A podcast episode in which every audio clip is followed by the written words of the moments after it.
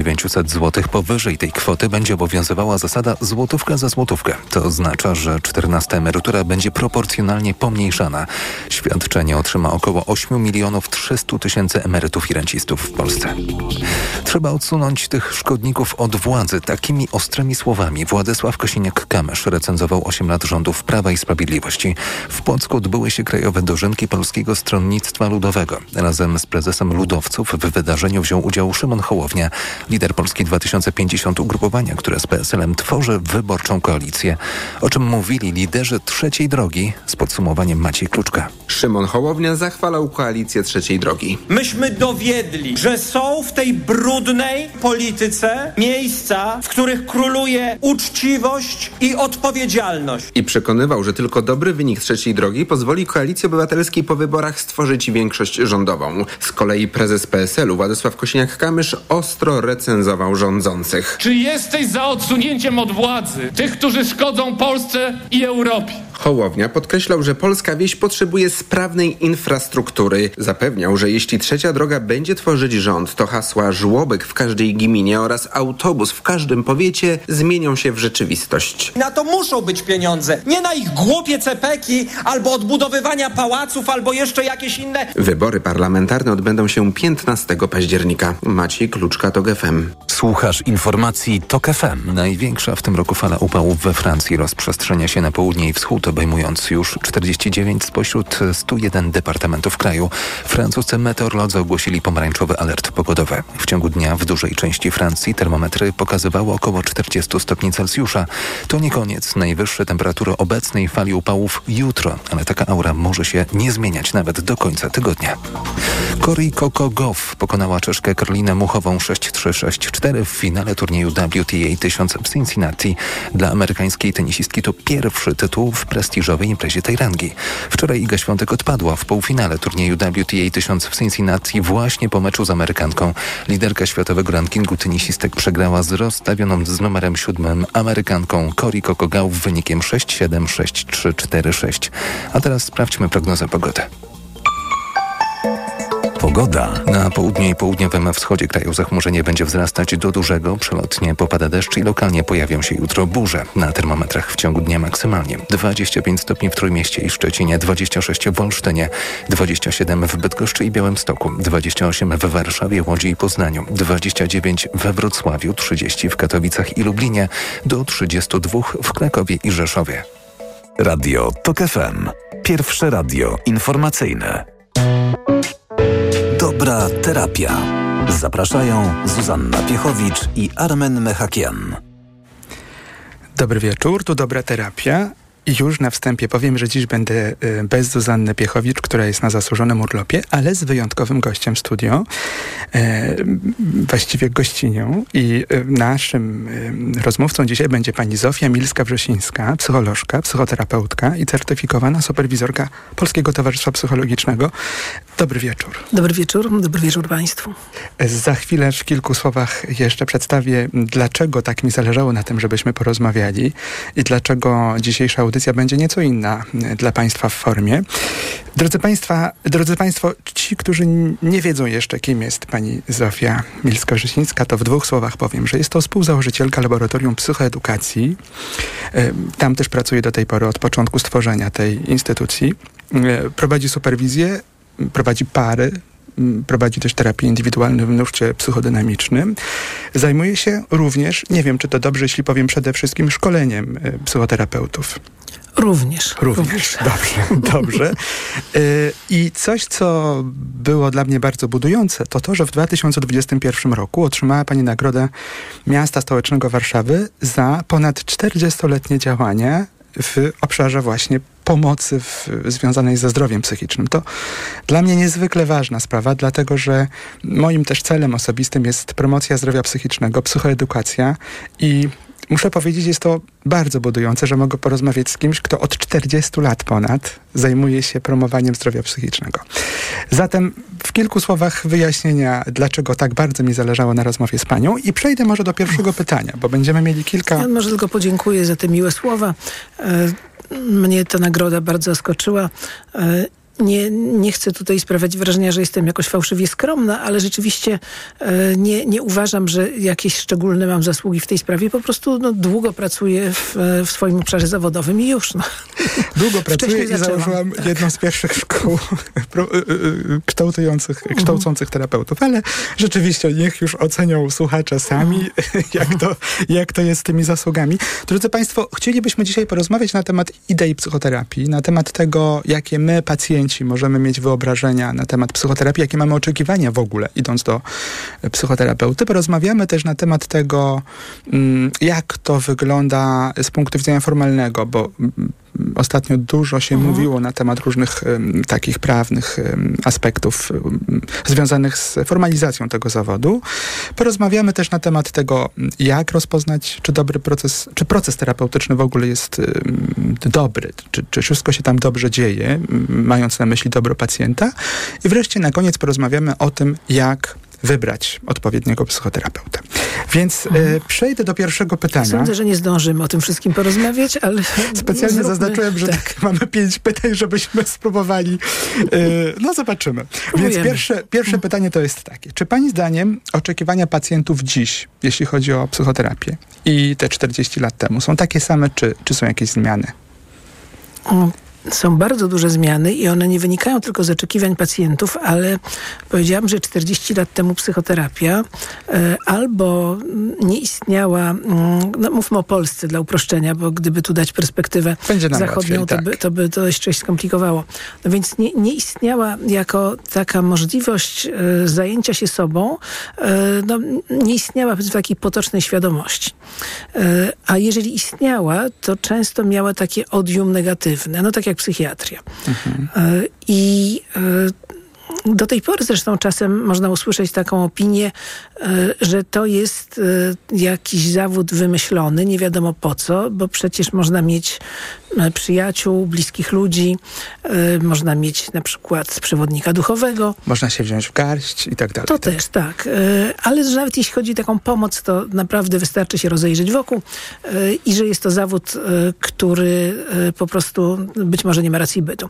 No teraz już coraz mniej osób tak sądzi, ponieważ e, no choćby dlatego, że psychoterapia, która ma oczywiście nie 40 lat, tylko przeszło 100, e, miała okazję udowodnić dużą skuteczność. To jest różnie, jeśli chodzi o różne nurty z tymi badaniami skuteczności, ale można powiedzieć, że e, z całą pewnością są takie oddziaływania psychoterapeutyczne, które pomagają i pomagają nie w tym, żeby się poczuć troszkę lepiej w sytuacji, kiedy nic nam poważnego nie dolega, ale również pomagają wtedy, kiedy rzeczywiście mamy do czynienia z poważnym zaburzeniem. Czyli możemy powiedzieć, że leczy psychoterapia. I co do Leczy, tego nie mamy no tak jak mm, drugi człon tego słowa terapia, czyli leczenie, leczy. Jak najbardziej leczy i badania to bardzo mocno potwierdzają. E, Czyli no, zmieniło się to, że psychoterapia, można powiedzieć, weszła do takiej potocznej świadomości. E, Co się jeszcze zmieniło? Czyli tak. podsumowując tę tę część wypowiedzi, rozumiem, że mówi pani o tym, że kiedyś ludzie może nawet wstydzili się y, y, przyznać do tego, że potrzebują jakiegoś wsparcia, a Nawet na pewno nie było Nie, przyzwolenia. przycho- nie przychodziło im to do głowy. To, dokładnie To tak. trochę tak jak ileś tam lat temu nikt nie szedł do doradcy podatkowego, e, ponieważ e, na przykład w mi- minionym słusznie ustroju nie było w ogóle takiej kwestii. I dokładnie tak E, moglibyśmy wymieniać cały szereg takich e, okoliczności. Więc w ogóle nie, nie, nie widzieli o takiej możliwości. E, Natomiast ci, którzy wiedzieli, no to niektórzy korzystali, a niektórzy mm, sądzili właśnie, że to jest jakieś piętnujące. Ale też trzeba powiedzieć, 40 lat temu psychoterapeutów w Polsce było bardzo niewielu, E, więc też e, no, nie, było, nie była taka możliwość ogólnodostępna. Tak, to się bardzo zmieniło. Myślę, że taka zmiana, o której też warto powiedzieć, to to, że pojawiło się dużo, powiedziałabym, jeśli chodzi o psychoterapię, no użyję takiego określenia, świadomych konsumentów, a nawet nadmiernie świadomych konsumentów. E, Czyli są takie osoby, to czasami widać na takich różnych e, portalach w rodzaju, no nie będę wymieniać nazw, ale powiedzmy tam, gdzie można mm, zapytać o psychoterapeuty i na przykład może być tak. e, Szukam psychoterapeuty miłego, który jest kompetentny w zakresie no na przykład e, problematyki osoby porzuconej przed, przez narcystycznego partnera. Tak, to są. Narcyzm to jest ulubione, Tak, ulubione tak. słowo, które się przewija. Tak, tylko że na ogół e, to innych się spostrzega go narcystycznych, a nie siebie. E, ale tak, tak, to takie jest często. No to jest bardzo ciekawe, bo czasami też e, słyszy się specjalist, no, specjalistów, no trudno powiedzieć e, z jakimi kompetencjami, ale jednak osoby, które promują czy, czy em, rozszerzają jakąś wiedzę na temat zdrowia psychicznego i one też bardzo często takim językiem się posługują, komunikują. W związku z tym ten szum informacyjny Tak, powoduje, E, Ale też pojawia się taka, powiedziałabym, specyfikacja zapotrzebowania. E, To czasami jest na przykład albo e, i ten superwi- znaczy ten psychoterapeuta ma się superwizować.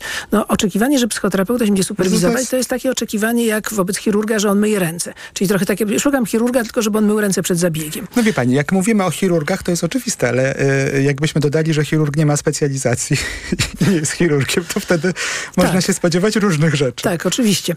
E, No ale w każdym razie tak, to zapotrzebowanie teraz e, po pierwsze oczywiście jest bardzo duże, ale też e, 40 lat temu to jest jedna kwestia, takie porównanie, ale powiedziałam, że w ciągu ostatnich czterech lat e, mamy lawinowy wzrost zapotrzebowania na psychoterapię, e, no wiążący się pewnie, tu nie powiem nic odkrywczego, e, z takim dużym lękiem, bo świat jest niepokojący prawda? Pandemia, e, wojna e, i to bardzo blisko nas e, i e, no też taka niepewność finansowa. No to, to się dzieje na całym świecie. To też jest związane z systemem, z globalizacją, z tym, że jest ogromnie dużo informacji, mamy dostęp do wielu rzeczy i co najważniejsze w moim pojmowaniu to to, że ludzie już nie stygmatyzują tej kwestii, że po prostu rzeczywiście szukają pomocy. A proszę powiedzieć, jak pani, z, z pani punktu widzenia wygląda to dziś znowu w porównaniu do tego, co było na początku, kiedy pani rozpoczęła pracę, właśnie z tym, jakie wyobrażenia pacjent miał idąc na, do psychoterap- na psychoterapię. Co, co on sobie myślał? Bo, bo, bo dzisiaj rzeczywiście mówimy tak, często się spotykamy, że pacjent przychodzi i mówi właśnie, że zostałem porzucona, czy zostałem przez narcystyczną osobę, czy, czy ileś Czy lat się pani byłam... w tym specjalizuje? E, Tak, albo ileś tam lat. e, Tak, dokładnie tak. Takie, są- takie są pytania. E, Coraz częściej też jest takie dążenie do jakiejś diagnozy. Oczywiście tutaj nie mówię o diagnozy w, w pojmowaniu takiej, takim rozumieniu klinicznym jak ICD czy DSM, y, tylko takie diagnozowanie mm, y, w, wokół spraw, które nawet nie są, y, nie mieszczą się w żadnej klasyfikacji. Mówimy bardzo dużo o różnych syndromach, które y, ktoś sobie kiedyś tam y, opisał, ale one niekoniecznie mają y, y, fundamenty naukowe. Na przykład mówimy o syndromie oszusta, mówimy o, o, o właśnie psychopacie narcystycznym, mówimy o w, jakiejś patologii. Oczywiście do, to wszystko, i to jest cały problem moim zdaniem, to wszystko też łączy się z takimi rzeczywistymi mm, diagnozami. Bardzo dużo osób y, dzisiaj mówi i szuka u siebie objawów na przykład ADHD. Y, bardzo dużo i często mówimy o traumie, czyli mając na myśli konkretne jakieś wydarzenie smutne, często po prostu część życia, jest przedstawione jako, jako duża trauma. I teraz idziemy do psychoterapeuty i oczekujemy od tego psychoterapeuty, że on spowoduje na przykład, że nie będziemy odczuwali smutku związanego ze stratą, ponieważ to jest trauma, a terapeuta powinien pomóc nam wyleczyć tę traumę. Jak to było kiedyś? Czy kiedyś też tego typu oczekiwania? To za chwilę powiem, natomiast do tych e- etykietek chciałabym się odnieść, bo niewątpliwie no, mamy do czynienia z taką w jakimś sensie medykalizacją, chociaż e, nie wszystkie z tych etykietek mają charakter właśnie e, kliniczny czy psychiatryczny, ale chętnie mówimy na przykład tak, to znaczy o sobie to raczej tak, że to na przykład jestem osobą wysoko wrażliwą, moje wewnętrzne dziecko jest skrzywdzone, jestem po traumie, a o kimś innym, że właśnie jest narcystyczny e, albo obsesyjno-kompulsyjny, No albo coś właśnie, takiego. ale o sobie na przykład nigdy nie powiemy, albo bardzo rzadko, że jestem na przykład chory na chorobę odwybiegunową.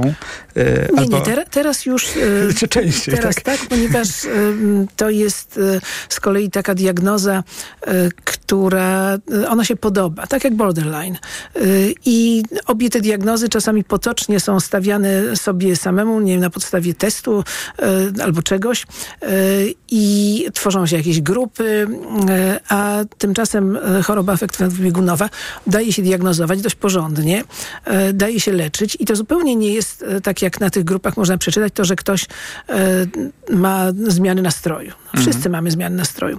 Także myślę, że w tym momencie tej potocznej wiedzy jest bardzo dużo.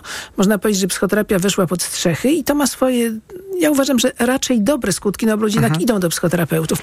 A to, że no jakoś się tak etykietkują, diagnozują siebie i innych, to myślę, że to za bardzo e, może nie, nie szkodzi. No to nie byłoby groźne, rzeczywiście, gdybyśmy mieli tutaj, myślę, ten wątek jest bardzo istotny, jakąś stabilną y, podstawę prawną dotyczącą zawodu psychoterapeuty. Jak to dzisiaj wygląda? Jak e, to wygląda przy najnowszych zmianach, które ostatnio Jesteśmy w wprowadzone? fazie wielkich przemian. E, Po chyba 30 latach zajmowanie się tym, żeby psychoterapia e, stała się zawodem. E, Po pierwsze, jest bardzo poważna praca nastawiona na stworzenie ustawy o zawodzie psychoterapeuty jako zawodzie e, zaufania publicznego. Czyli analogicznie do lekarza na przykład, czy e, do Czy zawód e, medyczny adwokata. po prostu, tak? E, Niekoniecznie, bo to równie, równie dobrze adwokaci też mają taki status. Zawód zaufania publicznego to jest wtedy taki zawód, który ma własny samorząd, określa własne normy, tak jak to jest mniej więcej. Tak jak przy lekarzu, czy przy lekarzach, lekarzu, przy- adwokacie, tak. tak. Mhm. Co też uporządkowałoby, rozumiem, uporządkowało. etyki zawodowej i tak dalej. Tak. No i też y, wtedy szkolenia byłyby jakoś skodyfikowane, byłoby wiadomo, na czym to polega. Y, Samorząd przeprowadzałby na przykład egzaminy, żeby nadawać certyfikaty psychoterapeuty. Y, To Prace są zaawansowane. Mamy nadzieję, że w następnej kadencji Sejmu uda się jakoś to przeprowadzić. Ale na razie sytuacja jest taka, i to również jest nowe, że po można powiedzieć, że bardzo dużych e, napięciach w środowisku e, Ministerstwo Zdrowia przeforsowało ideę specjalizacji, psychoterapii jako specjalizacji medycznej. To wzbudziło bardzo duży opór, ponieważ psychoterapeuci nie chcą się tak ściśle medykalizować, e, bo obawiają się, że będą, no na przykład egzamin będzie wyglądał tak jak egzamin specjalizacji urologa, czyli testowy, a psychoterapia ma swoje odmienności, na przykład to, że trzeba przejść własną psychoterapię, żeby zostać psychoterapeutą. No, powiedzmy, że e, neurolog nie musi koniecznie leczyć się neurologicznie, żeby zostać Już nie neurologiem. mówiąc o nurtach, różnicach nurtach. Tak, prawda? oczywiście. E, No więc e, to wzbudziło zasadnicze wątpliwości, ale Ministerstwo Zdrowia przy tym trwało z sobie tylko wiadomych powodów i zostało to przeprowadzone. E, Ta specjalizacja stosunkowo niedawno, m, to jest rozporządzenie, czyli że psychoterapeuta to jest specjalizacja medyczna, ale równolegle zostały wprowadzone zmiany w ustawie o ochronie zdrowia psychicznego i te zmiany stanowią, że psychoterapeuta to jest zawód. Jeszcze nie jest to na poziomie ustawowym ustawy o mm, zawodzie psychoterapeuty właśnie jako zawodzie zaufania publicznego. To jeszcze chwilę, e, ale że jest to zawód, e, który, żeby wykonywać, trzeba mieć określone kwalifikacje. I dotyczy zarówno pracy mm, w ramach e, NFZ-u, e, Narodowego Funduszu Zdrowia, e, gdzie usługi psychoterapeutyczne są refundowane, jak i pracy w placówkach prywatnych.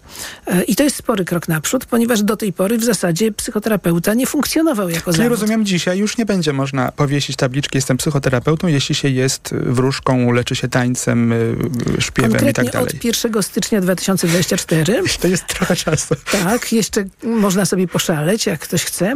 E, oczywiście e, to nie jest takie proste, e, że na przykład be- z automatu osoba, która nie ma tych kwalifikacji opisanych właśnie w ustawie, e, ogłosi się jako psychoterapeuta, e, to będzie ścigana e, powiedzmy e, Jakaś odpowiedzialność karna będzie, tak? tak, e, bo w tym na przykład lekarz, który, znaczy ktoś, kto nie jest lekarzem, a się podaje za lekarza, To jest jest, jest ścigany z urzędu.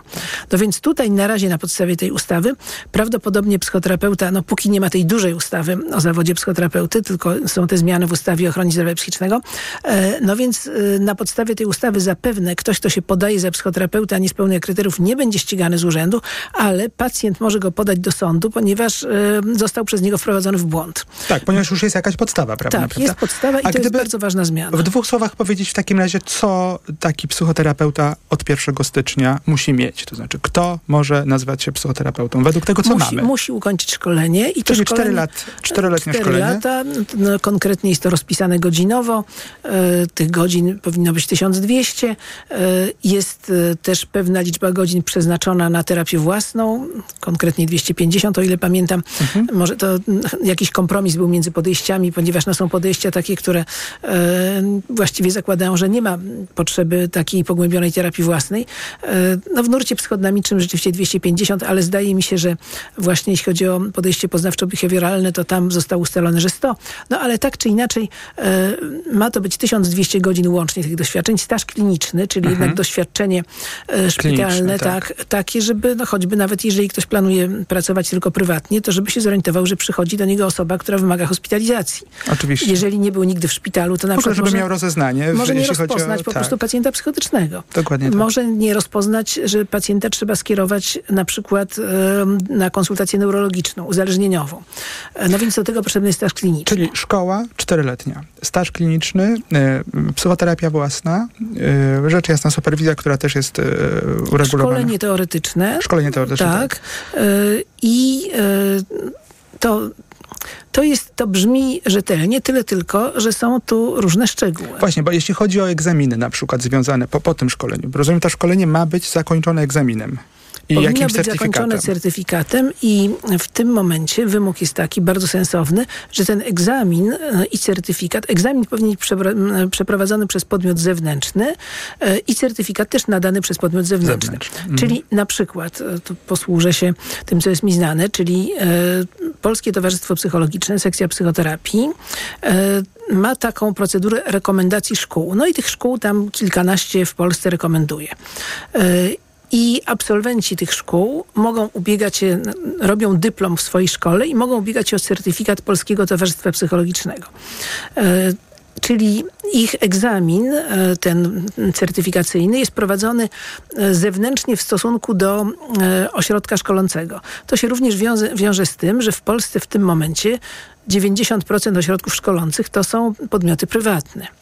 W związku z tym, gdyby to one nadawały certyfikaty, No, był- był to byłby jakiś- to konflikt interesów, tak Dokładnie prawda? tak. No bo wtedy e, mogłoby się tak zdarzyć, że takie nierzetelne ośrodki szkoleniowe wolałyby dawać certyfikaty każdemu, tak, tak. Żeby, żeby mieć e, wielu studentów. Więc podobnie jest w Towarzystwie Poznawczo-Behawioralnym. y, To też są rekomendowane szkoły i egzaminy y, y, i certyfikacja odbywa się jakby w towarzystwie, Mhm. a nie w tych szkołach. Więc bardzo podobnie. Dokładnie tak samo się rzecz miała. No i to jest właśnie w, też wymóg, żeby ten e, był nadawany przez e, podmiot zewnętrzny. No i teraz, co może z tym zrobić pacjent e, poszukujący terapii? E, jak mówię, no, jeżeli ktoś się poda za psychoterapeutę, a mm, zajmuje się wróżbiarstwem, e, czy nawet e, uprawia jakąś dziedzinę, którą on uważa za psychoterapię, ale Na przykład bezpodstawnie. ustawienia hellingerowskie. Na przykład ustawienia hellingerowskie. Innych przykładów nie będę dawać, bo zawsze jak, jak daję takie przykłady, to potem ktoś się okropnie obraża. Choć Ja do muszę powiedzieć, że przywykłam. Ostatnio mieliśmy rozmowę o ustawieniach jakiś czas temu i to było, to było jedno z najbardziej burzliwych audycji, ponieważ Mhm. mieliśmy bardzo dużo telefonów, głosów oburzenia na temat tego, że właśnie jasno powiedzieliśmy, że to nie jest żadna psychoterapia. Mhm. To też jest dość niepokojące, dlatego że no, celem tej audycji jest szerzenie rzetelnej wiedzy na temat tego, co jest psychoterapią, co nie jest psychoterapią. I bardzo często te szkoły, te osoby nie posługują się już określeniem e, ustawienia hellingerowskie, tylko posługują się takim określeniem, które sugeruje, że to jest e, terapia systemowa. Ustawienia rodzinne na przykład. Tak, dokładnie tak, co, co jest absolutnym wprowadzeniem w błąd. Więc rozumiem, no, jest jakaś nadzieja, że przy najaktualnych takich najbardziej e, regulacjach będzie można liczyć na to. ustawienia hellingerowskie są bardzo malownicze, ekscytujące, więc ja rozumiem, że jak ktoś się temu poddał e, i ustawił kilka osób w jakichś pozycjach, no i jak, jak się ustawi my na początku naszej drogi, właśnie te 40 lat temu, robiliśmy różne rzeczy i wiemy, że dosyć łatwo jest wywołać taki A efekt. bardzo się cieszę, że wspomniała Pani o tym, bo to też nie chodzi o to, że nagle wymyśliliśmy sobie, co jest terapią, co nie jest terapią, tylko to jest, y, y, to jest, to są, to jest doświadczenie, to są badania kliniczne, to są Tak, lata. oczywiście. No więc w każdym razie, jeżeli ustawimy powiedzmy kilka osób w jakichś pozycjach, tak jak to się dzieje w ustawieniu Hellingera i te osoby tak będą stały, to ja gwarantuję, że po 10 minutach ktoś zacznie krzyczeć albo płakać. Zwłaszcza jak to jeszcze ogląda grupa z zewnątrz. To po prostu tak działa. Nie dlatego, że jest pole jakieś tajemnicze, tylko dlatego, że ludzie przeżywają coraz więcej napięcia. E, także, e, ale mm, ja bym sądziła tak, że no, jak ktoś e, chce mieć takie doświadczenia jak ustawienia Hellingera, albo nie wiem co, radykalne wybaczanie, czy parę innych tego, tego rodzaju Czy mieć e, sesję z ayahuaską tak, i, i tak, inne. właśnie. Mandala, coś tam jeszcze, e, to jestem jak najdalsza, żeby mm, tego zakazywać. Tylko ważne, żeby to nie było podawane jako psychoterapia i żeby ktoś, ktoś temu poddaje, miał świadomość, że to jest procedura niezbadana, e, która często jednak e, przynosi skutki negatywne, a nie ma żadnej gwarancji, że przyniesie pozytywne, czyli że pomoże po prostu osobom, które mają cierpienie, to ja bym tego rodzaju eksperymentów nie zalecała. Ponieważ jest to bardzo groźne. Jest to groźne i to wiadomo, e, że były różne rzeczywiście dramatyczne skutki.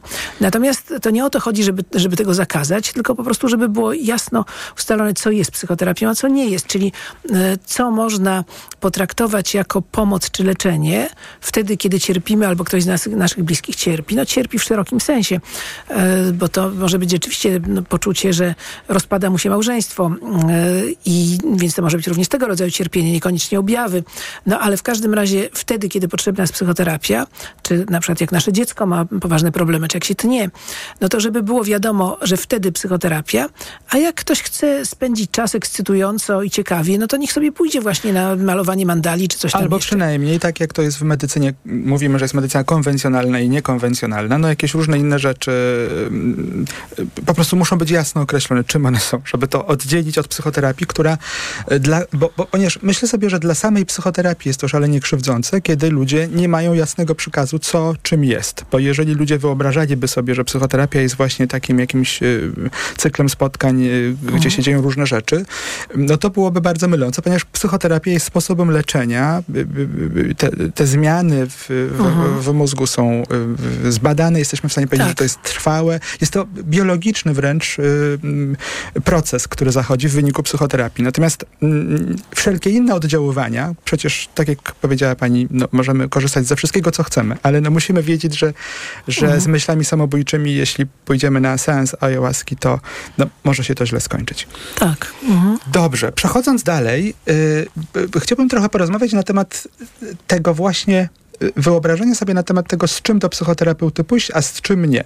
Bo no, oczywiste jest to, że jeśli mamy cały szereg różnych objawów, mamy zaburzenia lękowe, mamy depresję, mamy być może zaburzenia odżywienia i moglibyśmy wymieniać tutaj całe ICD y, czy DSM, to rozumiemy, że wtedy idziemy do psychoterapeuty, ponieważ dzieje się nam coś, co jest y, nawet klasyfikowane w różnych klasyfikacjach międzynarodowych. Ale czy tylko wtedy możemy y, liczyć na wsparcie psychoterapeuty? Jeżeli nie mamy, nie zmagamy się z żadnym kryzysem zdrowia psychicznego w znaczeniu objawów, to czy psychoterapeuta jest przydatny? Czy może być? Mm, Może najpierw powiedziałabym tak, że e, w tym momencie dzieje się tak, że w każdym razie w dużych miastach, w części środowisk, e, to można usłyszeć, że wszyscy są, wszyscy mają psychoterapię. E, I e, rzeczywiście to sprawia wrażenie, jakby czasem tak było. E, Myślę, że psychoterapeuci powinni być może troszkę bardziej powściągliwi w przyjmowaniu na psychoterapię osób, e, które naprawdę nie, tego nie wymagają, e, które przyszły, bo mają jakiś doraźny kłopot, z którym sobie na, mogą poradzić, albo dlatego, że koleżanka, która ma psychoterapię, powiedziała im, że to fajne jest. E, Natomiast e, oczywiście psychoterapię powinni odbyć nie tylko ci, którzy mają objawy, czy cierpią rzeczywiście w taki sposób, że dawałoby się to opisać również na poziomie psychiatrycznym, ale ci, którzy sobie nie radzą, albo którzy sobie radzą pozornie. Czyli na przykład tak, em, konsultowałam niedawno młodego mężczyznę, który powiedział, że e, on nie czuje się szczęśliwy. Mimo, że wydaje się, że, powinien. Tak, że wszystko, co Że potrzeba. powinien, bo no, i opisał to no, różne mm, takie swoje zasoby, które ma, e, więc powinien, a nie czuje się szczęśliwy. E, I ja sądzę, że to jest zgłoszenie do psychoterapii, że nie powinno się tego zbanalizować w taki sposób, czy jakoś zbagatelizować, że czasem każdy się czuje nieszczęśliwy, e, tylko to, że ktoś nie czuje się szczęśliwy, nie rozumie dlaczego, to jest zgłoszenie do psychoterapii. No szczególnie, że to moglibyśmy bardzo łatwo umieść, umiejscowić w afekcie, a za tym mogłoby się rozwinąć konkretne objawy nawet, Tak. jeżeli byśmy nic z tym nie Mhm. zrobili, prawda? Tak, oczywiście. No albo jeżeli na przykład ktoś e, ma poczucie, że w jego życiu powtarza się jakaś sekwencja dla niego niekorzystna. E, czyli na przykład powiedzmy kobieta jest zawsze porzucana. Wybiera sobie albo, albo zawsze jest e, źle traktowana. I już jest w czwartym związku i znowu to, że znowu jest porzucona albo znowu jest źle traktowana, znowu trafiła na nieodpowiedniego mężczyznę. E, no albo na przykład jeżeli ktoś łatwo traci pracę. Mhm. Albo nie potrafi dokończyć niczego, co zaczął, począwszy od studiów, skończywszy na różnych kolejnych jakichś swoich planach czy zamiarach. No, wszystko Czyli... to są powody, które doprowadzają prędzej czy później do objawów. W związku tak. z tym tak. bagatelizowanie tego byłoby bardzo groźne. Ale czy bylibyśmy w stanie podać odwrotny przykład? Yy, taki, yy, tak myślę, nie wiem, czy zgodziłaby się Pani odpowiedzieć na takie pytanie. Po pierwsze, czy się zdarza w gabinecie powiedzieć, że ten y, przypadek nie wymaga psychoterapii, czyli nie rozpocząć psychoterapii, mimo to, że pacjent przychodzi, a po drugie, jakie to byłyby sytuacje, w których psychoterapeuta mógłby właśnie tak ostrożnie z rozpoczęciem może, procesu? Może zaczęłabym od tego, że psychoterapia to niekoniecznie jest długi proces terapii indywidualnej. Już e, pierwszy mit obalony. Tak. Psychoterapia coraz bardziej rozwija się w formie grupowej i to działa świetnie bardzo dużo jest wspaniałych badań podkreślających, że e, znaczenie psychoterapii grupowej jest e, rzeczywiście niepomiernie większe niż byśmy sądzili, ale też trzeba pamiętać, że ludzie się tego znacznie bardziej obawiają. No i dla, ludzie są różni, w związku z tym nie zawsze, nie w każdym przypadku pewnie. No ja bym sądziła, że ci, którzy się szczególnie obawiają, to, to by się idealnie nadawali. E, to jak, no, to jak się ich dobrze przygotuje, to tak, to, to jest to właśnie Mogliby dużo korzyści rzeczywiście tak. czerpać. Więc po pierwsze, to może być psychoterapia grupowa, a niekoniecznie długi, indywidualny proces z jednym terapeutą i tak dalej. Po drugie, e, to może być też terapia krótka, ograniczona w czasie. Czyli nie trzy lata, tylko na przykład 16 sesji. A tutaj, y, drodzy Państwo, zobaczcie, mamy specjalistę psychoterapii psychodynamicznej i wydawałoby się, że będzie mówiła inaczej niż osoby, które pracują w nurcie poznawczo-behawioralnym, czyli też da się krótko. To są mity. Y, no oczywiście y, w podejściu psychodynamicznym to, co jest najlepiej zbadane, no również dlatego, że to się najłatwiej bada, to, to, się da to są procesy ograniczone w czasie. Hmm. Czyli ileś sesji, na przykład 40, to na ogół oznacza rok, kończy się to w określonym terminie. Pacjent wie, kiedy się skończy. E, I trzeba pamiętać, że w świadomości pacjenta to, że jest termin zakończenia, to też działa.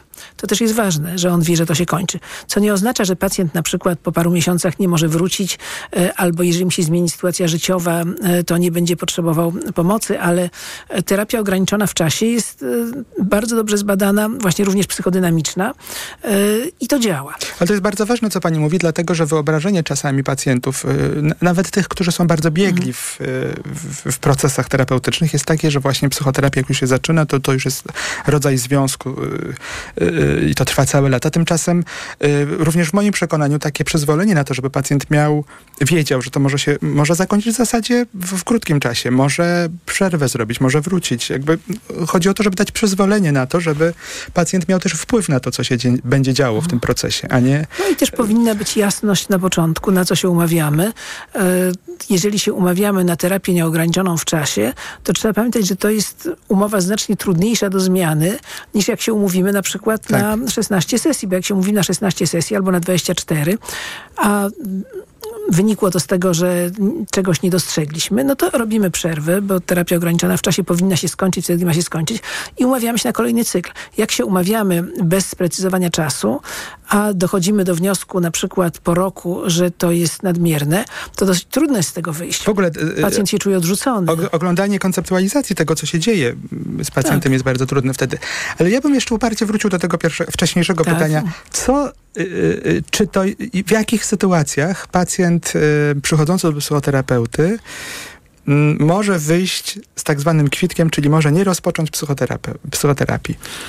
E, myślę, że wtedy, jeżeli jego motywacja jest e, w jakimś sensie e, fałszywa, to znaczy nie jest to jego motywacja. Mhm. Czyli tu mamy mm, takie mm, wszystkie zlecenia. Czyli Kiedy odesłany jest. Szef tak, mi tak. powiedział, że mm, ja źle zarządzam ludźmi i muszę coś zrobić ze sobą.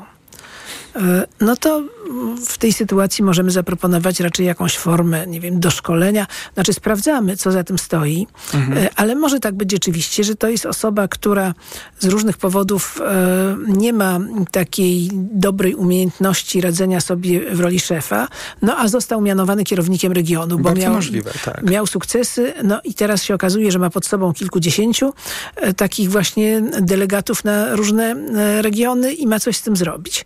E, I szef powiedział, że ponieważ e, uważa, że ten nasz hipotetyczny pacjent e, nie jest w stanie egzekwować tego, co trzeba, no to, że niech pójdzie na terapię. No i ten człowiek przychodzi, ale on nie ma problemu z tym, że e, czegoś nie potrafi w ogóle, egzekwować. Czy to jest pacjent, prawda? No, mówimy, że pacjent, tak. bo się zgłosił na, na konsultację tak. psychoterapeuty. Ale wtedy rzeczywiście trzeba się przyjrzeć. Czasami jest tak, że coś za tym stoi, na przykład bardzo wysoki poziom lęku, który spowodował, że ten pacjent nie odmówił awansu prawda? E, chociaż nie miał na to ochoty i wolał zostać na tym niższym szczeblu, ale się bał, e, że coś się złego Jakoś stanie. Skonfrontować się, skonfrontować nie, albo, tak. albo, że na przykład żona będzie bardzo rozczarowana, dlatego, że chciałaby, żeby on awansował. Żona ma co do niego ambicje właśnie. E, no więc tym się można zająć, ale znowu, no jeżeli to w krótkim terminie.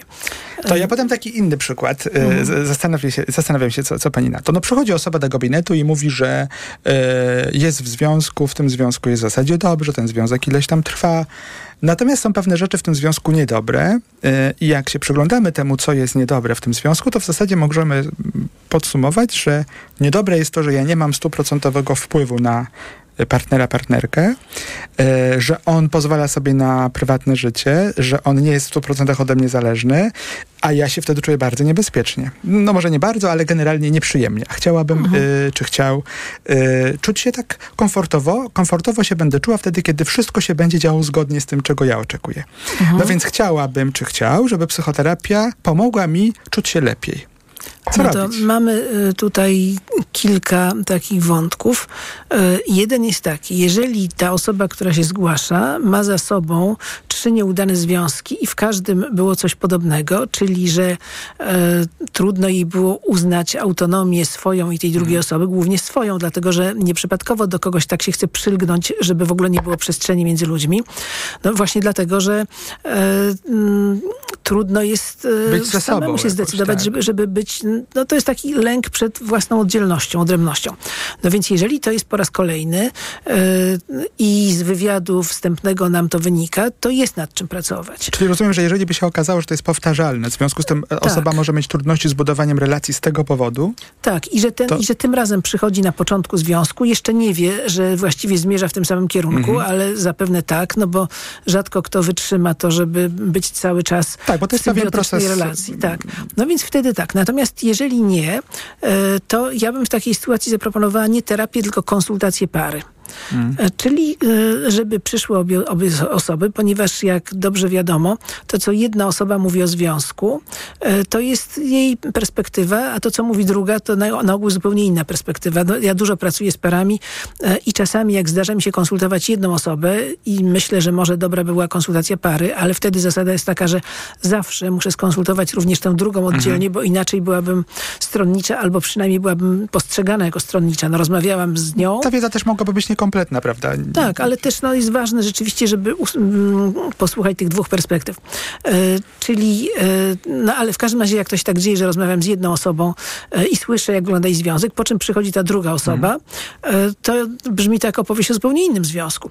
No ale, e, czyli w takiej sytuacji na przykład próbowałabym jakoś nakłonić tę pacjentkę czy pacjenta, e, żeby zaprosił swojego partnera czy partnerkę i wtedy możemy mm, wspólnie zobaczyć na konsultacji, o co tutaj chodzi. Czyli wtedy na przykład e, w, w takiej narracji, o jakiej pan mówi, no jak powiedzmy, że będzie mówiła hipotetycznie, no niech to będzie partnerka, że ona nie może znieść tego, że tutaj to własne życie i że ten partner chodzi na siłownię i że czy on musi aż dwa razy w tygodniu chodzić na siłownię, a ona wtedy jest osamotniona, e, a dlaczego on tak dużo czasu, znaczy tak lubi swoich kolegów na przykład jeszcze ze studiów e, mhm. i ich zaprasza do domu, a ona by tak nie chciała. No więc ona mówi, no to można ją zapytać, jakie uczucia to w niej wzbudza, ale też można jego zapytać. No, no to on powie zapewne, że się czuje jakoś osaczony, e, że mhm No, No, ba bardzo ciekawa perspektywa pokazania, że problem y, dotyczy pary w tej sytuacji, Oczywiście, prawda? Zdecydowanie tak. bardziej. Możemy sobie wyobrazić też inną sytuację, inną konfigurację, w której ktoś mówi, ale ja nie chcę, żeby partner, partnerka y, była obecna. Czy w ogóle, że też on się nie zgadza, dlatego że y, ja robię wszystko, żeby się zachować jak należy i jeszcze ten problem nie, nie rozwinął się jak w poprzednich związkach. W związku z tym ja nie zaproponuję terapii pary czy konsultacji pary, dlatego że się obawiam, że będzie interpretowane to, że jest coś nie tak. Więc chciałabym, chciał pracować w procesie terapeutycznym trochę nad sobą, trochę nad partnerem, tak, żeby nie doszło do tych problemów, do których dochodziło zazwyczaj. No ale jeżeli ta osoba uznaje, że źródło tych problemów, do których dochodziło zazwyczaj jest również w niej, a nie tylko w nim, to jest nad To czym pracować. domu. Tak, Tak, to jest nad czym pracować. Jeżeli mm, ktoś przychodzi, żeby ta druga strona się zmieniła, albo na przykład, co też się zdarza, e, proszę, ja, ja przychodzę, bo żona odeszła i ja myślę, że ona po prostu zwariowała. I proszę Tak. zrobić coś takiego, żeby ona do mnie wróciła. Tak. E, No i e, często to, jest osoba wtedy w kryzysie. Powiedzmy, przychodzi taki mężczyzna, jest w kryzysie. On nie Mhm. rozumie, dlaczego ona odeszła. Ona mu powiedziała, że już nie może czegoś tam wytrzymać z tego, co on robi. Że, no ale on tego nie rozumie, uważa, że to jest niesprawiedliwe, bo Mhm. ona ma pretensje, że on jej nie mówi, na przykład nie mówił, że ją kocha, nie zapraszał i tak dalej, ale przecież on jej kiedyś powiedział.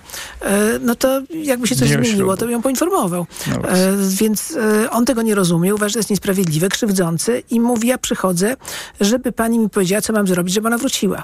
E, No i to jest rzeczywiście trudna sprawa, e, ponieważ no, żaden psychoterapeuta się na to nie umówi. No E, właśnie, na całe szczęście. Miejmy tak. nadzieję. To już jest taka sugestia właśnie, że, że się nie powinien umawiać. Żebyśmy zdążyli, to po, pójdźmy dalej. Y, teraz trochę porozmawiamy na temat tego, czy psychoterapeuta powinien być miły. To znaczy, czy y, mam na myśli y, tak, taki mm, bardzo przyjemny proces, tak może sobie czasami wyobrażamy, że jak jesteśmy w procesie psychoterapeutycznym, no to on nas tuli, no cudzysłów rzecz jasna, tak? Opiekuje no, się. niektórzy oczekują, że dosłownie. Tak, tak, tak też się może zdarzyć. I wtedy by się przydały właśnie te etyczne e, organizacje, które by zadbały o etykę. Jakkolwiek taka fantazja na temat tego, że psychoterapia i psychoterapeuta powinien spowodować, że ja się czuję dobrze i w, i w trakcie mm, y, w ogóle procesu. Y, No może zacznijmy od tego procesu właśnie. Czy w trakcie procesu terapeutycznego mm, psychoterapeuta powinien być skoncentrowany na, skoncentrowany na tym, żeby pacjent ciągle się czuł dobrze, cały czas komfortowo? Trudne pytanie, wiem. Nie, ono jest łatwe, tylko się zastanawiam, jak, jak tu odpowiedzieć tak zwięźle. Powiedziałabym tak, psychoterapeuta powinien być taktowny, Mhm. e, czyli nie, nie urażać pacjenta bez powodu. Mhm. Powinien być e, też uważny, czyli rozpoznawać, że to jest pacjent, który ma swoje bolesne obszary e, i decydować, kiedy będzie można je podjąć. Powinien być delikatny, na przykład, podejmując No, wiem. jakieś interwencje. Czasami, czasami niestety e, trzeba e, trochę mocniej. E, niestety mówię dlatego, że to jest dla terapeuty samego trudno, więc może delikatność to nie jest dobre słowo. Ja bardziej bym mówiła o takiej uważności i takcie. E, Czyli jeżeli się decyduje na mocniejszą jakąś konfrontację czy interwencję, to muszę wiedzieć, że to jest dobry moment i muszę wiedzieć, że z pacjentem mam przymierze, jakiś, to- się mówi czasem o sojuszu terapeutycznym, prawda? E, Powiedzmy, jakaś relacja jest w takiej kondycji, tak, że... że pacjent ma zaufanie, Tak. że ja się sprawdziłam e, jako terapeutka dla niego, niezależnie od tego, e, czy jestem dobrą terapeutką, czy nie. To nie o to chodzi, co on tam o mnie wie, tylko że mm, do tej pory naszej wspólnej pracy on nabrał do mnie zaufania. E, I że zasadniczo wie, że ja biorę go pod uwagę, że pamiętam, co on mi mówi, że jestem uważna, że jak się na coś umawiam, że te godziny rzeczywiście są ważne i że wtedy jestem. E, Czyli, że on może ufać. E, No też, e, że oczywiście podstawowy wymóg całkowita poufność, prawda? Czyli to, co on mi mówi, nie wychodzi na zewnątrz. E, No więc jeżeli jest przymierze, to mogę sobie pozwolić na interwencję taką mocniejszą, która czasem może być bolesna. Ale nie tylko dlatego, że ja robię coś bolesnego, ale że zaczynamy się zajmować Obszarem bolesnym. obszarem bolesnym dla tej osoby, z którą jesteśmy w kontakcie terapeutycznym y, i której na przykład, którego to obszaru ten ktoś w ogóle nigdy nie dotykał. Y, To są y, rzeczywiście zadziwiające sytuacje, kiedy mm, opowiada ktoś na sesji o tym, co mu się przydarzyło y, i powiedzmy terapeutka ma taką banalną bardzo informację, znaczy reakcję, czasami nawet wyśmiewaną, czyli taką, no to przecież to było bardzo trudne, o czym pan mówi. A pacjent tata mówi, trudne? Nie, nie, no to tak jest przecież, no rodzice tak traktują dzieci. Nic tym takiego nie było. No ale terapeutka mówi, no ale przecież pan mówi o takim opuszczeniu, e, o tym, że e, nikt z panem nie rozmawiał o jakichś tam na przykład trudnych doświadczeniach rówieśniczych, że był pan odrzucony w klasie. E, czyli jak sobie pan z tym radził. No i wtedy powoli, powoli może tak być, że ta osoba zacznie doświadczać tego, że coś w przeszłości zdarzyło bolesnego i trudnego. No to to nie jest przyjemne w takim sensie bezpośrednim. No nie.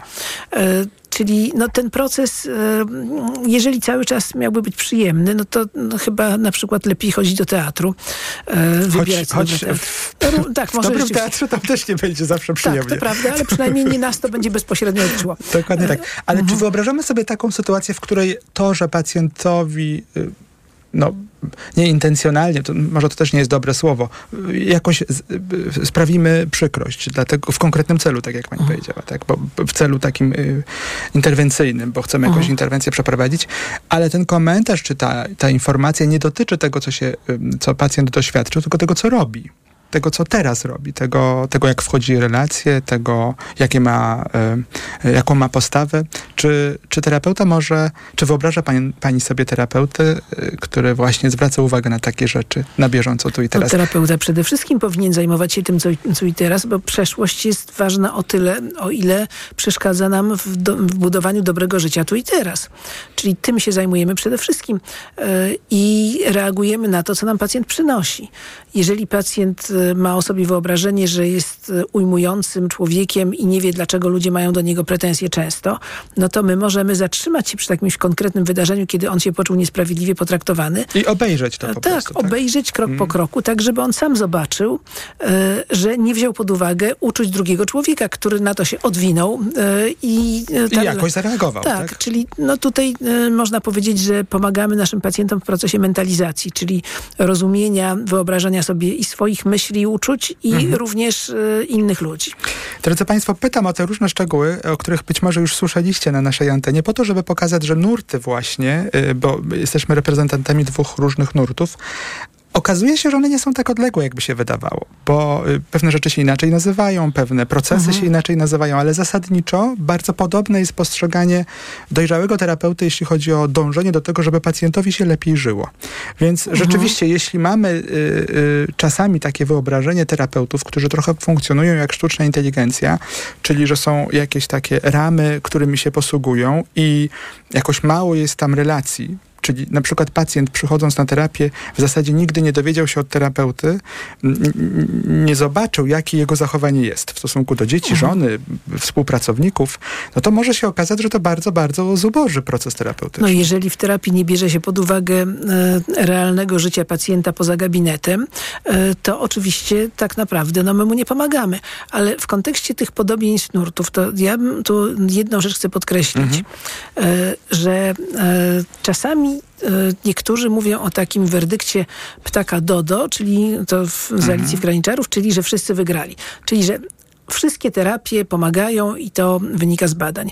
E, To jest bałamutna teza, ponieważ e, mm, można powiedzieć, że potwierdziły się w badaniach te terapie, które się badaniom poddały. No, no tak, I oczywiście. to już jest, ale też różne mają zakresy zastosowania i nawet powiedzmy tych pięć podstawowych nurtów e, różnie jest przebadanych w różnym stopniu. To znaczy, no wiadomo, e, mam nadzieję, że tu nie spowoduje e, jakie, jakiejś urazy znowu, że akurat my reprezentujemy te nurty, które są Które są najbardziej zbadane. No tak, tak, tak, tak, właśnie, tak. czyli poznawczo-behawioralne i psychodynamiczne, ale systemowe podejście też jest coraz Dość więcej dobrze, zbadań, tak. tak, e, jak również mm, takie właśnie humanistyczne, doświadczeniowe też tam różnie bywa, No ale część jest, część jest też nieźle zbadana, no ale są różne inne, które w ogóle nie są badane, ale też trzeba pamiętać, że jest różny zakres, to powiedzieć, stosowalności, czyli że e, powiedzmy, że zaburzenia osobowości e, lepiej sprowadzić w jakimś podejściu, już nie będę mówiła w jakim,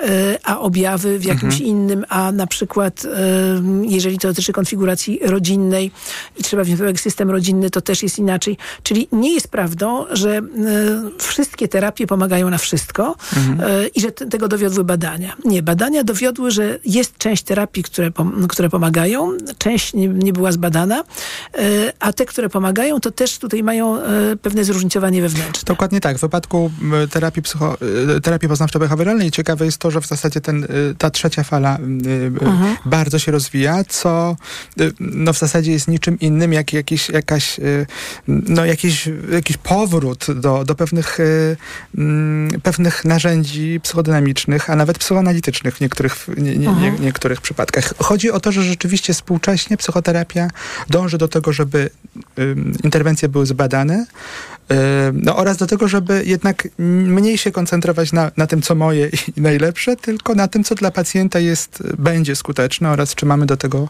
czy na to mamy jakieś dowody. Tak, to jest dość istotne w, w rozumieniu mm, no, dobrze przebadanego nurtu terapeutycznego.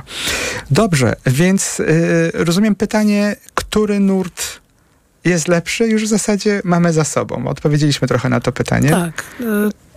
Te, które są przebadane, e, są lepsze niż te, które się badaniom nie poddały, albo które mają, e, bo są też no, takie nurty, które e, robią badania, mm, na przykład mają konkretnie trzy badania i wszystkie wątpliwe metodologicznie. E, Czyli, więc- że te badania jako takie są wadliwe, jednak- po prostu takich badań się nie prowadzi. Tak. Nie tak się prowadzi badania, No tak? właśnie Więc o to, jest, Tak, to, to, tak. jest... Także, no ale to jest zbyt subtelne zadanie na przykład do pacjenta, żeby dla pacjenta, żeby on wnikał w to, jakie są metodologiczne podstawy. Także ja to tak mówię tylko, no powiedzmy sztuka dla sztuki. No że to, że jakiś nurt twierdzi, że jest przebadany, e, no to jeżeli ktoś się tym interesuje, powinien sprawdzić, poprosić Mhm. e, o linki i zobaczyć, co to były za badania. No właśnie, to teraz przejdźmy płynnie do tego ob- obszaru e, takiego prawie ostatniego. Co pacjent powinien zrobić, przygotowując się na ten proces psychoterapeutyczny? To znaczy, gdzie szukać informacji, jakich informacji szukać, jak sprawdzić, czy terapeuta jest kompetentny? Co, powinien nie, co powinno niepokoić pacjenta, na przykład być może w, już w trwającym procesie terapeutycznym? Może od końca, co powinno niepokoić. Jeżeli terapia trwa długo, e, a pacjent ciągle nie jest szczęśliwy. To powinien trwać po prostu. Ja uważam, że terapeuta powinien e, zaproponować pacjentowi jednak zakończenie i przekierowanie Mm. gdzie indziej. Znaczy ciągnące się wiele lat procesy bez żadnej zmiany, oprócz tego, że pacjent w gabinecie na przykład coraz lepiej funkcjonuje, No, ale ale to nie chodzi o to, żeby była więc- świetna relacja między pacjentem a terapeutą, tylko... głęboka i tak, i, i wglądowa, ale jeżeli z tego nic nie wynika w jego świecie zewnętrznym, to znaczy, że terapia Jest coś nie jest tak. nieskuteczna, tak. No chyba, że ktoś po prostu chce odbyć taką podróż w, w głąb siebie, a to, co na zewnątrz, to mm, go nie interesuje. E, Więc to, to powinien być bardzo ważny Mhm. sygnał, czyli po prostu, że terapia nie pomaga.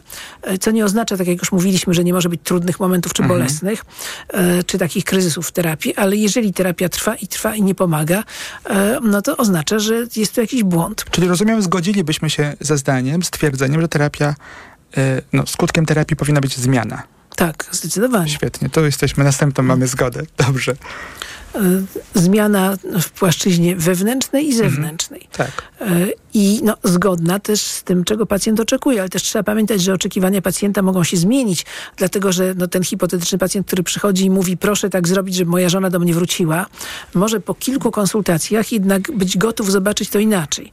Także te oczekiwania pacjenta też, no, my, my możemy to jakoś y, pomóc mu zobaczyć, czego on właściwie oczekuje i czy można by to ustawić inaczej.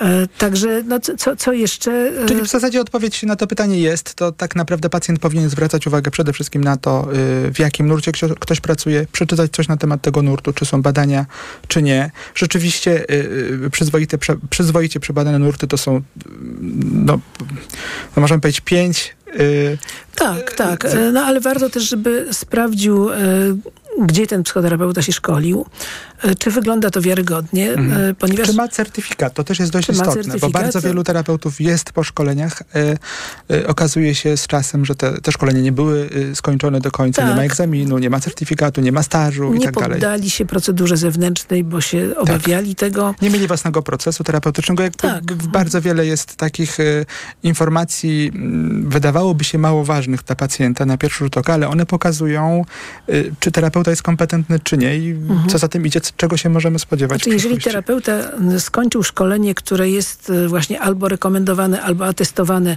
y, atesty z kolei daje Polskie Towarzystwo Mhm. Psychiatryczne, czyli jakoś zewnętrznie potwierdzone, to już coś jest, prawda? Dlatego, że takie ośrodki szkoleniowe, które właśnie mają te uprawnienia, to one wymagają również i terapii własnej, i stażu klinicznego. Mało tego, znacznie lepiej już korzystać z usług osoby, która ma rzetelnie napisane, że na przykład jest w trakcie szkolenia, gdzie, y, po którym, bo na przykład po drugim roku szkolenia Tak. i tak dalej, niż pójść do kogoś, kto, o kim w ogóle niczego nie wiemy. Nie mamy pojęcia, czy w ogóle coś skończył. Albo kto pisze tylko, że nabywał doświadczeń i tu wymienia różne placówki, w których pracował, Tak. e, ale jakoś nie ma takiej konkluzji, e, a szkoliłam się tu i tu, tylko pracowałam tu, pracowałam tam, nie wiadomo za bardzo w jakim charakterze.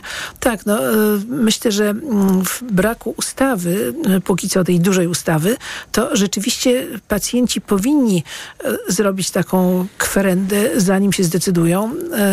No, ja też e, rekomenduję, żeby póki co, tak jak to wygląda w polskich warunkach, żeby raczej szukać terapii e, w jakichś ośrodkach, e, jeżeli się nie ma pewności, czy dostępny terapeuta, który po prostu pracuje indywidualnie, ma swój gabinet, czy, czy on jest rzetelny. Ponieważ no, duży ośrodek jest łatwiejszy do weryfikacji. To prawda. I też jakaś kwestia odpowiedzialności. Tak. y, Mhm. Ktoś za to odpowiada, tak. Dokładnie Mhm. tak.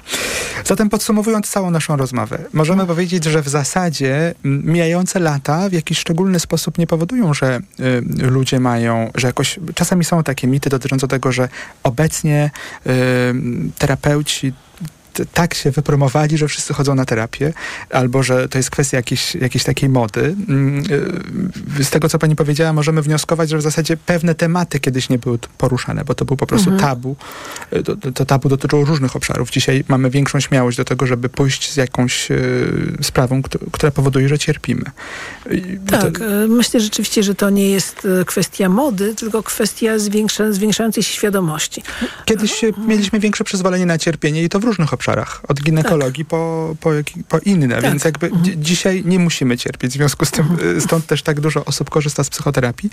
Natomiast e, e, żebyśmy zdążyli, to podsumowanie takie dotyczące całej naszej rozmowy. Mówiliśmy o tym, że bardzo istotne jest to, żebyśmy mm, mm, myśląc o psychoterapii, mieli na uwadze to, że ta psychoterapia ma doprowadzić do czegoś konkretnego, do jakiejś zmiany, która ma się dziać w nas, która ma się dziać w naszych relacjach ze światem W naszym zewnętrznym, życiu, w naszym życiu. żeby nam się tak. lepiej żyło. Tak, powinniśmy jednak, no pewnie to jest jakiś, nie mam innego określenia, ale jednak czuć, że to ta jakość życia, no to poczucie bycia szczęśliwym jest lepsze przed, y, znaczy po terapii niż, niż przed, tak? Tak, Y, tak, że nam się lepiej żyje, że mniej cierpimy. tak, dokładnie tak. Natomiast jeśli chodzi o kompetencje terapeutów, to liczymy na to, że już y, od stycznia, ale też później będzie coraz lepiej.